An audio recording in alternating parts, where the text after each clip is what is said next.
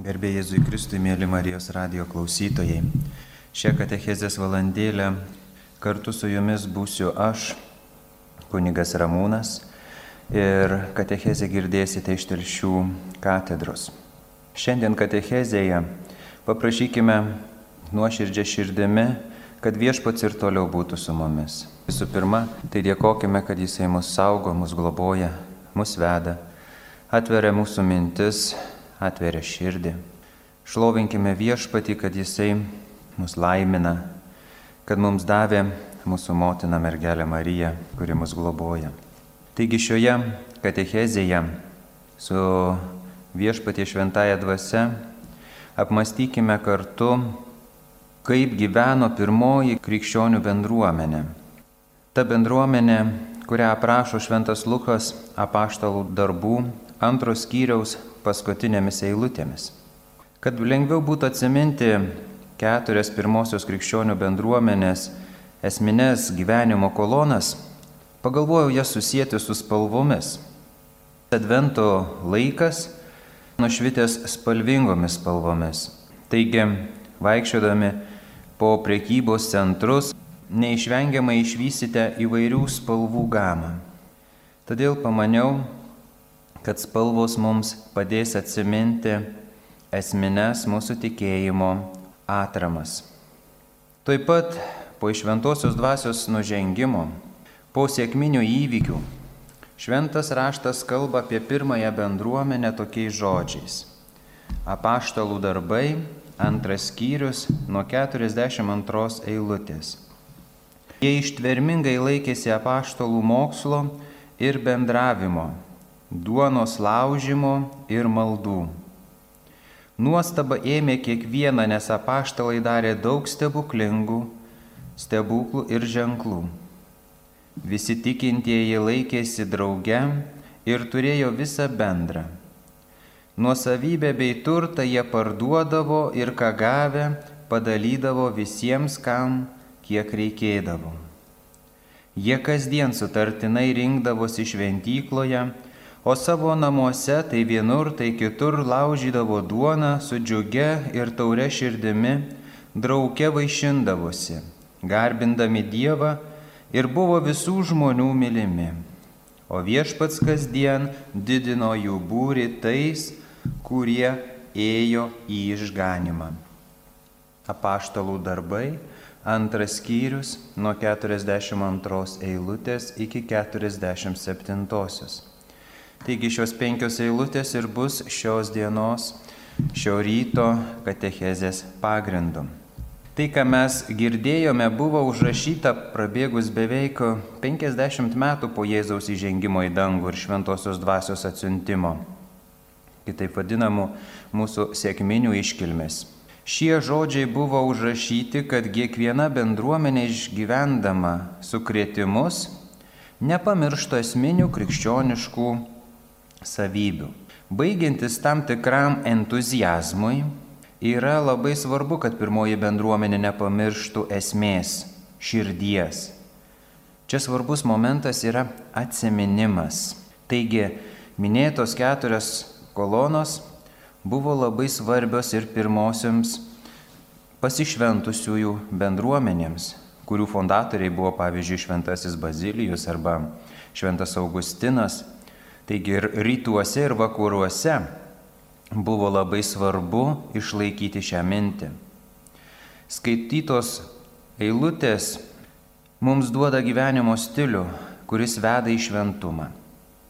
Tačiau šios eilutės nėra skirtos vien tik tai tiems, kurie gyvena vienolynuose, bet ir kiekvienam iš mūsų.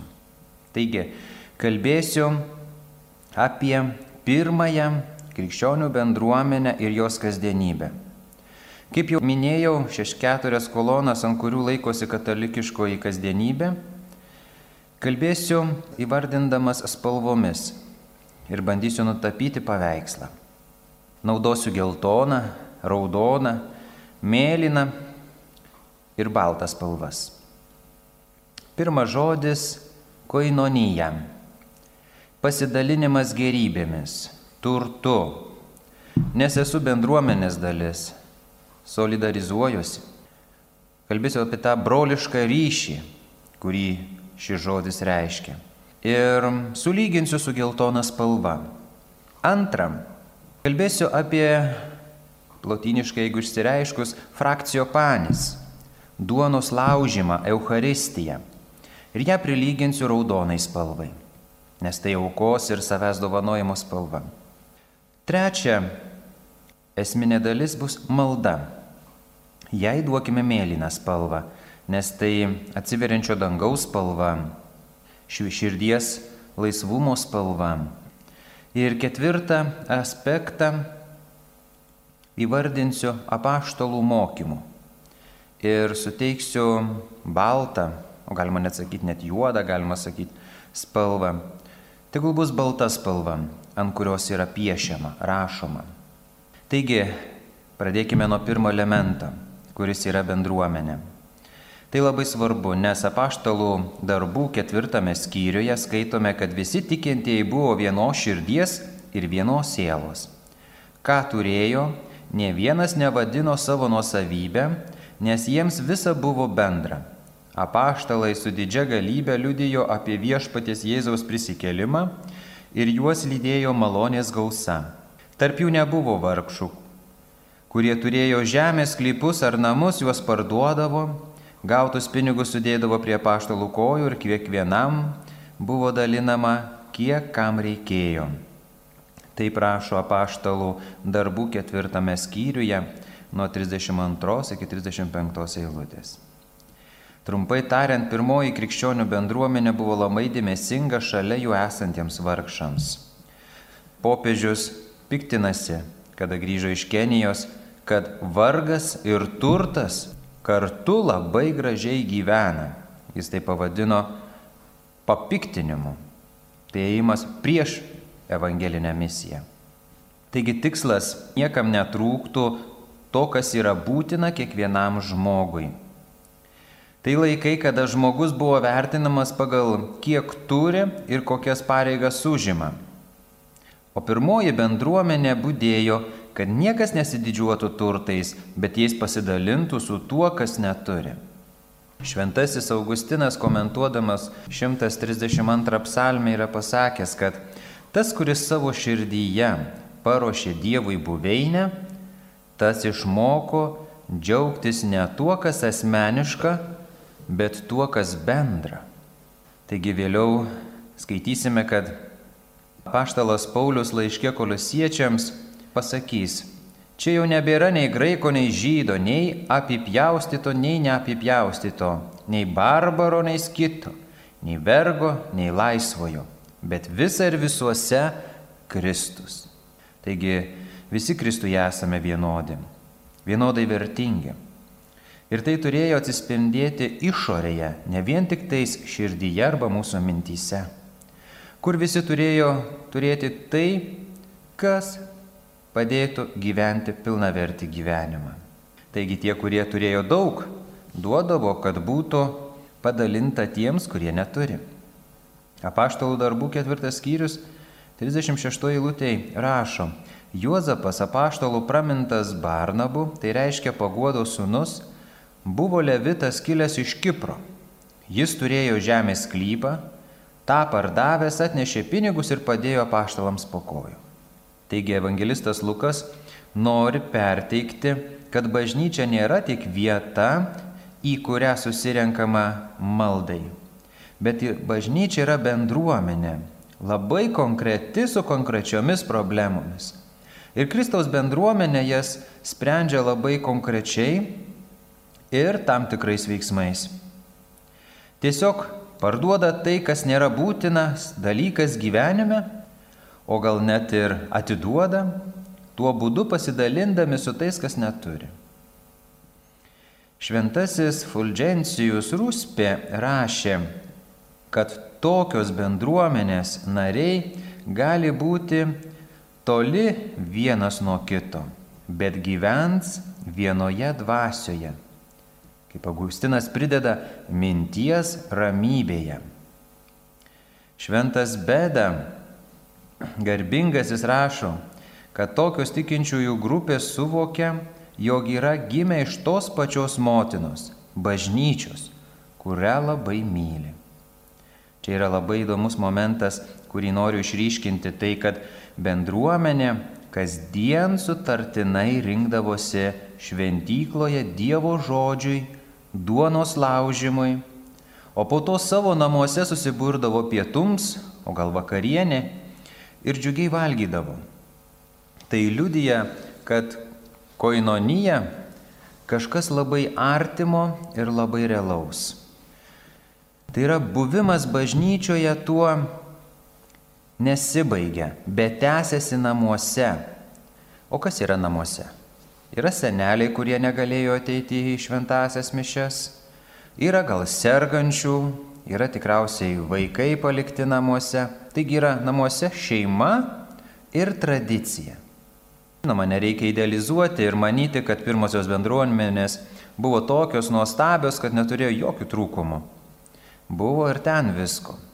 Atsiverskime pirmąjį laišką korintiečiams, pirmą skyrių ir nuo dešimtos eilutės skaitysime tokius žodžius, kad pirmoji bendruomenė išgyvena susiskaldimus.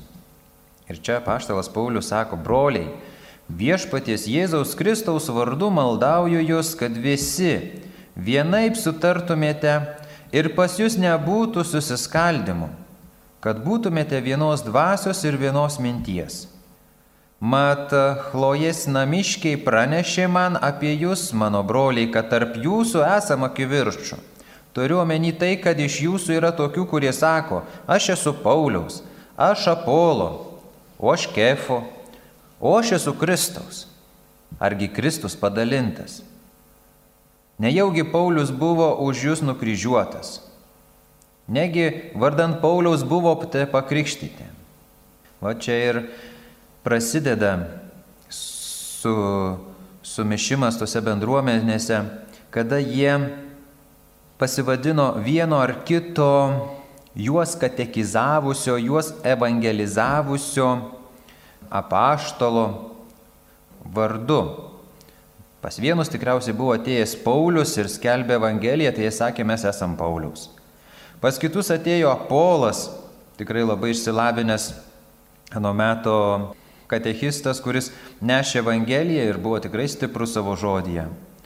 Pas kitus atėjo Kefas, Petras, na jis gal nebuvo labai išsimokslinęs, tiesiog gal patraukė labai daug vargingų žmonių, tiesiog žvėjų, amatininkų.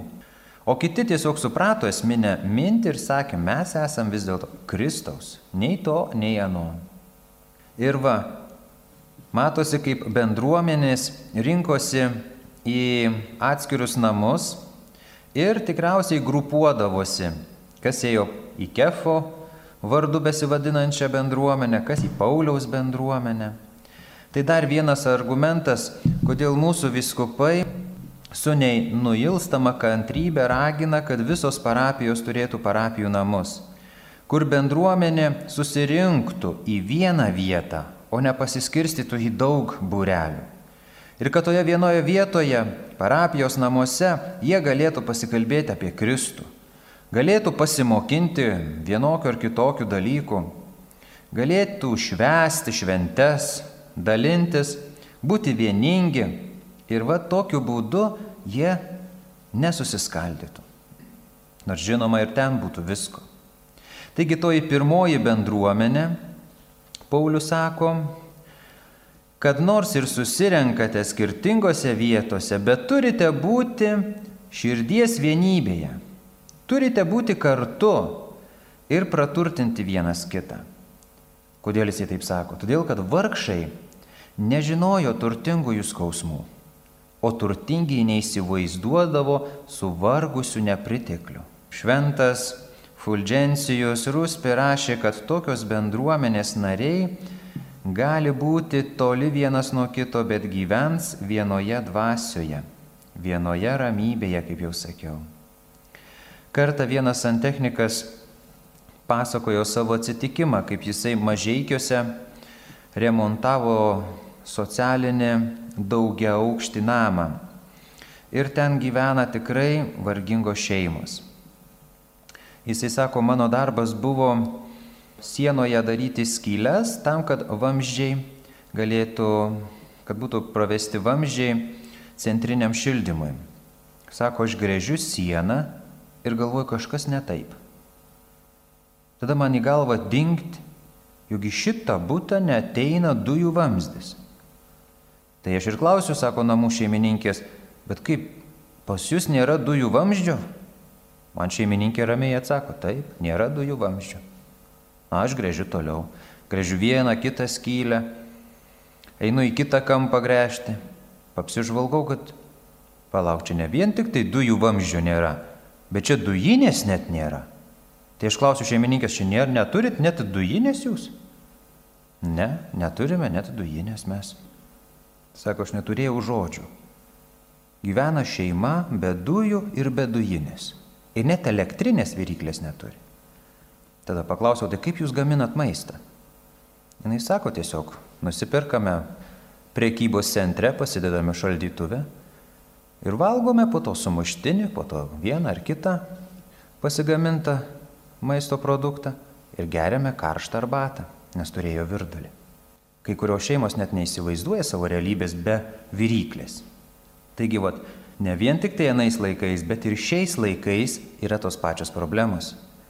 Ir jeigu mes nesirinkam į bendruomenės, mes nepažįstam tokių žmonių. Mes jų nesuprantame, net nežinome, kur jie gyvena, ar iš vis tokių yra. O gal tai yra prasigėrusi šeima, arba dar kaip nors piknaudžiaudama nusigyveno. Tačiau yra tokių šeimų, kurios tikrai niekaip neįsikabina. Gal vieniša mama gyvena su dviem vaikais, mama turinti invalidumą, vaikai gal irgi, sergantis ir visko, visko pasitaiko. Taigi ir šiandien yra labai svarbu apmastyti šią koinonijos prasme, bendruomeniškumą. Net šventasis Beda, prabėgus jau septyniems dešimtmečiams po Jėzaus Kristaus įžengimo į dangų, užrašė tokius žodžius, jei Dievo meilė persunkia mūsų širdis, iš karto gimsta meilė artimam, esančiam šalia mūsų. Paklauskim savęs, viešpatie, kiek tu keiti mano širdį, kiek aš noriu būti su kitais broliais ir seserimis, kaip aš laukiu tavo užgimimo. Tai buvo pirmoji kolona ir pirmoji spalva geltona. Dabar ženkime tolyn ir aptarkime trumpai antrąją koloną. Jai daviau raudoną spalvą tai duonos laužimo mintis ir realybė, kurią gyveno pirmosios bendruomės. Tame gabalėlyje, kurį perskaitėme, duonos laužimas yra pasikartojantis net du kartus. Pradžioje, kur sakė, kad buvo ištvermingai bendruomenė susirinkus maldoje ir duonos laužime, bei antrą kartą, kai kalbėjo jog namuose su džiaugsmu bendruomenė laužė duoną. Čia reikia pabrėžti vieną labai svarbų Švento Luko pasakojimo elementą. Tai, kad duonos laužimas buvo išgyvenamas kiekvieną dieną. Ta noriu pabrėžti. Kiekvieną dieną. Taigi, va, pirmosios bendruomenės širdis ir yra tas duonos laužimas, Euharistija. Čia nupasakojama jungtis tarp duonos laužimo šventovėje ir, tos, ir to paties gesto namuose prie vakarienės stalo. Esminis krikščioniško gyvenimo pamatas - tai daryti kasdieną. Kai kuriuos gali net šokiruoti. Tiek dažnai aš vos ateinu sekmadieniais, o čia kasdieną, ar tai jau nebus perlenkimas, ar nebus sudavatkėjimas, Ne, tai bus tikėjimo liudijimas. Tarp tikinčių ir netikinčių. Nes tokių pasitaiko ir bendruomenėje. Jeigu vienas šeimos narys yra labai tikintis, gal kitas šeimos narys yra abejingas. Va tokia kasdienybė nori nenori įsuka į kito brolio ar sesers gyvenimo realybę, į jų bėdas ir džiaugsmus. Pamatai, kaip jis gyvena. Ir tu matai, kad tu gal turi dvi elektrinės viryklės ir galėtum vieną pasidalinti. Taigi, nori ir nenori, bet jei kas nors neteina į susitikimą, supranti, kad kažkas nutiko. Gal susirgo, gal kokia nelaimė. Va tokia bendruomenė yra vaisinga naujais pašaukimais į kunigystę, į vienuolyje, nes jinai yra vieni kitus mylinti, vieni kitus apglėbinti ir teikinti tam tikrą saugumą. Dabar atkreipkim dėmesį labai svarbę vietą, kurią įvardina pats apaštalas Paulius, tai tą reikšmę, ką reiškia duonos laužimas. Trys evangelistai, sinoptikai pasakoja apie duonos padauginimą ir apie paskutinę vakarienę. Evangelistas Jonas šeštam skyriuje kalba apie gyvybės duoną, apie duonos laužinimą, kurį jis pasakoja per kojų plovimą įvykį. Taigi juos jungia tarpusavyje. Tai, ką valgom, mus perkeičia ir, ir kviečia patarnauti, verčia širdį susimastyti lieka labai aišku, kad Kristaus bendruomeniai duonos laužimas yra tai, kas juos tiesiog identifikuoja. Apaštalas rašo, kad pirmoji bendruomenė aiškina vienaip ir kitaip tą patį duonos laužimą. Bendruomenė gal dėl dvasinio priešo įtakos ar kitokių priežasčių apleidžia Euharistiją. Žinoma, velnės trokšta įsimaišyti tokias bendruomenės ir jos išplėšti tuos dalykus, kurie yra ją tvirtinantis ir ją palaikantis. Todėl ir tautų apaštalas tengiasi šio aspekto jokių būdų neišleisti iš akiračio. Būtent šventųjų mišių šventimo. Taip pat ir laiškė žydams, kurį tikriausiai rašė ne šventas Paulius, Dešimtame skyriuje yra kalbama apie bendruomenę, kuri karts nuo karto apleidžia Euharistijos šventimą. Laiške Galatams yra iškeliama labai didelė reikšmė šventos Euharistijos, nes aprašomas didelis susikivirčinimas tarp apaštalų dėl duonos laužimo. Todėl, kad susiformavo dvi grupės. Viena duonos laužimo grupė, kuri susiformavo iš žydų tautos, o kita, kuri susiformavo iš pagonių tautos. Ir jos viena kitą toleruodavo. Taip pamatęs Saulis, sako, kad negalima taip toliau gyventi. Negali tęstis dvi Euharistijos šventimo tradicijos. Kristus yra vienas, todėl reikia išsiaiškinti skirtumus ir juos panaikinti, reikia suvienodinti. Ir kai Paulius nemato palaikymo nei Petro, nei Barnabo akise, tada jisai dideliu nusistatymu ir užtikrinimu kalba, nepalikdamas jokių išlygų. Taigi Euharistijos šventimas negali būti maišomas su vienokiais ar kitokiais pagoniškais ritais, parpuolimais pagoniškose namuose, žaidimais, būrimais ar dar kažkuo panašiau. Ta klausimą labai aiškiai pasisako iš Barnabas, Barnaba ir Petra. Jei tu būdamas žydas gyveni pagoniškai o ne žydiškai, tai kodėl verti pagonis laikytis žydų papročių? Paulius užšunka antrame skyriuje laiške Galatams. Ir čia Paulius mato, kad iš Euharistijos yra atimama tikroji jos reikšmė. Pirmajame laiške korintiečiams yra užrašytos šitokios eilutės. Duodama šiuos nurodymus, aš jų negeriu, nes jūsų susirinkimai išeina ne į gerą, bet į blogą. Pirmiausia, man teko girdėti, kad jūsų bendruomenė susirinkimuose esti skilimų ir aš iš dalies tuo tikiu. Juk turi pas jūs būti atskalų, kad išeitų aikštėn, kurie iš jūsų yra išmėginti žmonės. Taigi, jūs susirinkę draugien nebevalgote viešpaties vakarienės, nes kiekvienas pirmiausia ima valgyti savo maistą ir vienas lieka alkanas, o kitas nusigeria. Argi neturite savo namų pavalgyti ir išgerti? O gal norite paniekinti Dievo bendryją ir sugėdinti nepasiturinčius? Kas man belieka sakyti? Pagirti? Ne. Už tai nepagirsiu. Toliau apaštalas rašo.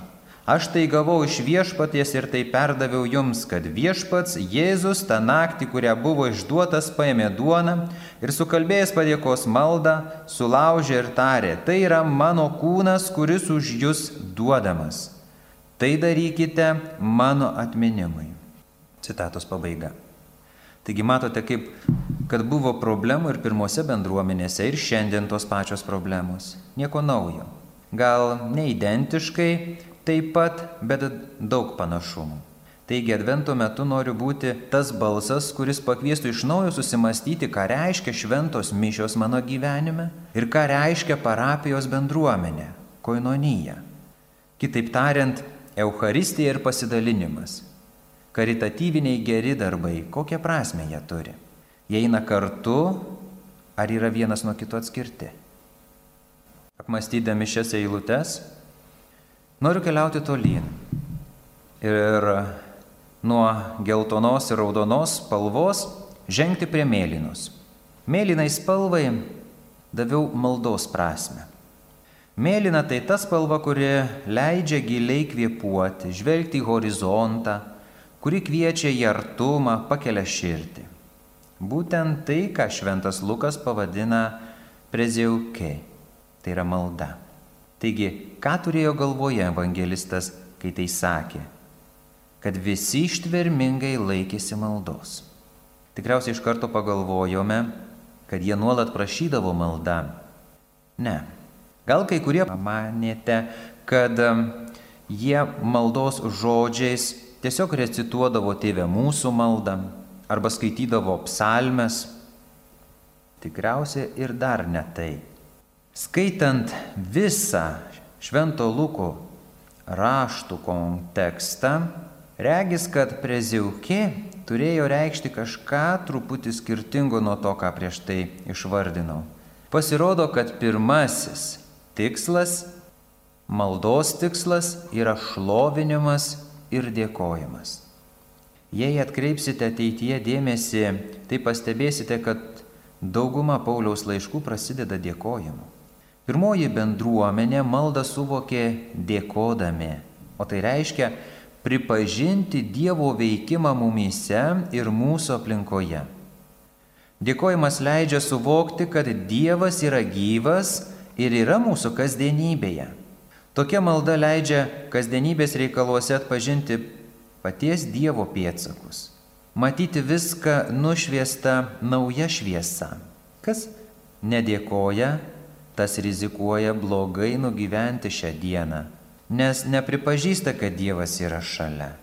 Kas dėkoja, tas pripažįsta Dievo draugystę, jo buvimą, realų buvimą, tokį, koks yra draugo buvimą šalia. Neišsigasta ištiktų sunkumų, todėl kad žino, jog nėra paliktas vienas.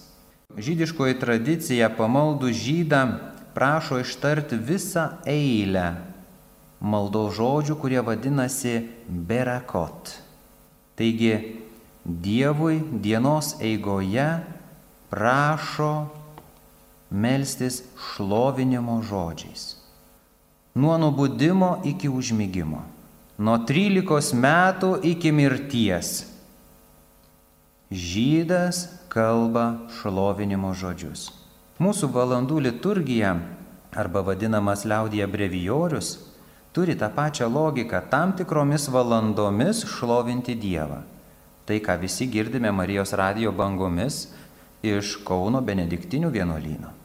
Taigi gyventi Dievą pripažįstant jo veikimą mano žingsniuose. Šalia šio šlovinimo maldos yra ir kontemplatyvioji malda, adoracijos malda. Ir žinoma malda, kurios metu prašome Dievę gailestingumo, iškeldami savo asmeninį menkumą, gyvenant be Dievo. O čia ir pastebime, kad malda yra labai svarbi Pauliui. Ir Paulius apie tai kalba savo bendruomenėms. Šiandien dažnai tariu Pauliaus vardą, analizuodamas apaštalų darbus, parašytus Švento Luko, todėl kad evangelistas Lukas daug laiko praleido su Šventuoju Pauliumi ir save laikė Pauliaus mokiniu, tuo, kuris išmoko daug iš Pauliaus.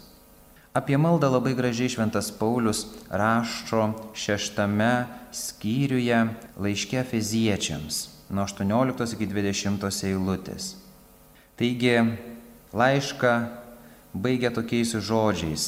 Kiekvienu metu melskitės dvasioje visakeropomis maldomis ir prašymais Be paliovos būdėkite malda, užtardami visus šventuosius ir mane, kad kai atveriu lūpas, būtų man duota dras, drąsa skelbti Evangelijos paslapti, kurios pasiuntinys ir esu būdamas kankinys. Kad turėčiau drąsos kalbėti taip, kaip privalau kalbėti. Tokie buvo paskutiniai Švento Pauliaus žodžiai laiškė feziečiams. Paulius labai gerai suvokė svarbą bendruomeniškumui, kad ji turi burtis į maldą, nepamiršti ir būdėti, kad nepamirštų, neiškreiptų, savaip neinterpretuotų. Ir baigiant prisiminkime ketvirtą koloną. Taigi, jei daviau ketvirtą spalvą, tai baltą. Jos pagalba sujungsime prieš tai minėtas spalvas į gražų tikinčių žmogaus sielos paveikslą, tapydami ten švento žmogaus paveikslą, lietuvių tikinčių žmogaus paveikslą. Taigi kalbėjom apie geltoną spalvą koinonyje, bendruomeniškumą, apie raudoną, kurią pavadinau frakcijo panis, tai duonos laužimo Euharistija, apie mėlyną maldos spalvą. Dailininkas žinoma pasakytų, kad tų spalvų jau ir pakaktų ir būtų galima nutapyti paveikslą, bet kad galėtume tapyti, mums reikia balto popieriaus lapo arba drobės, kurioje balta spalva, galėsime išryškinti jau minėtas spalvas. Čia noriu kalbėti apie didache, apie apaštalų mokymą, tai kas mūsų paveikslui duos kontūrus. Didache tai tiesos, perdotos krikščioniškos tradicijos sinonimas ją taip galima išreikšti, kad tai yra 12 apaštalų mokymų knyga, kurią yra parašęs nežinomas autorius. Ir Lukas pabrėžia, kad tie saugus pamatai ateina iš apaštalinio autoriteto, iš apaštalų mokymų, kuri mums aiškina popiežius ir jo bendradarbiai viskupai. Čia turime išlikti budrus apaštalų šitame mokyme, nes apaštalų sureikšminimas tikrai nėra antrailis dalykas mūsų krikščioniškame gyvenime.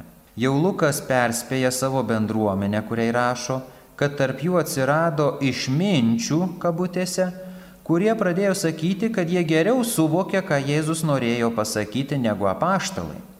Arba atsakingieji, kuriems apaštalai patikėjo savo bendruomenių tolimesnį katechizavimą ir vedimą. Taigi mūsų kalba galime sakyti, kad vyskupai ir siunčia klebonus į parapijas, kad jie atstovautų vyskupą, perteiktų vyskupo žinę, jo iniciatyvas ir vestų tą bendruomenę kartu su popiežium ir savo vyskupais.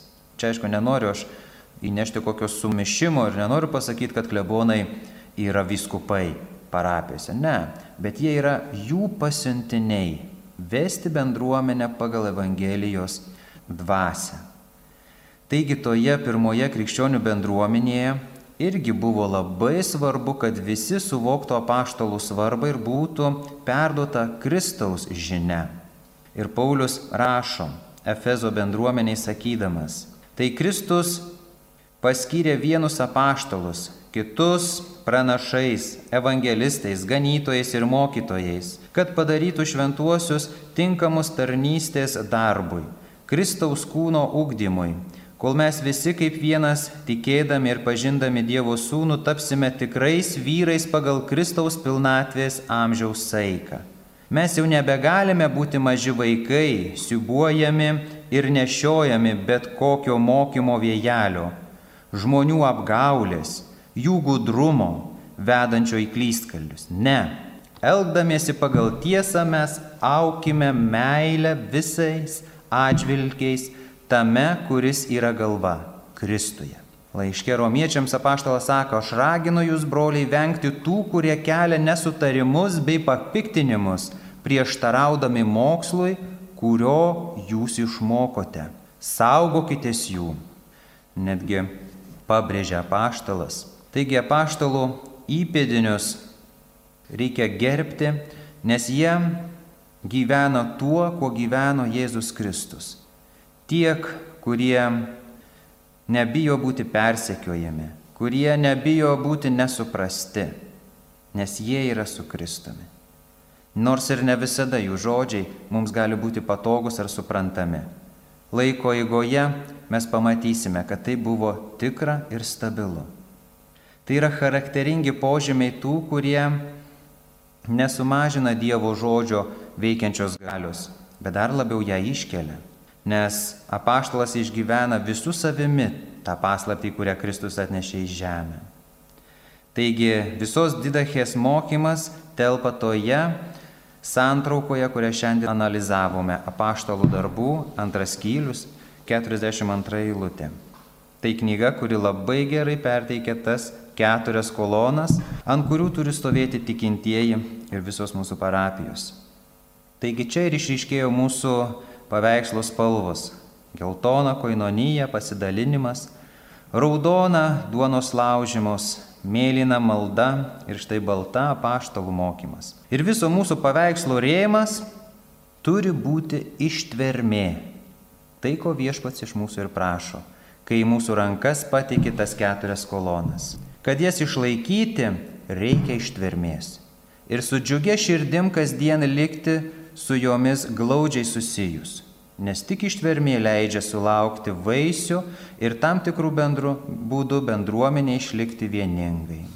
Ir noriu pabaigti žodžiais iš laiško žydams. Neapsileiskime lankyti savųjų susirinkimų, kaip kai kurie yra pratę bet skatinkime vieni kitus. Laiškas žydams 10 skyrius 25 eilutė. Tuo ir norėsiu pabaigti šią katechezę. Visus laiminu ir atsisveikinu su Dievu. Mintimis dalinosi kunigas Ramūnas Norkus iš Telšių.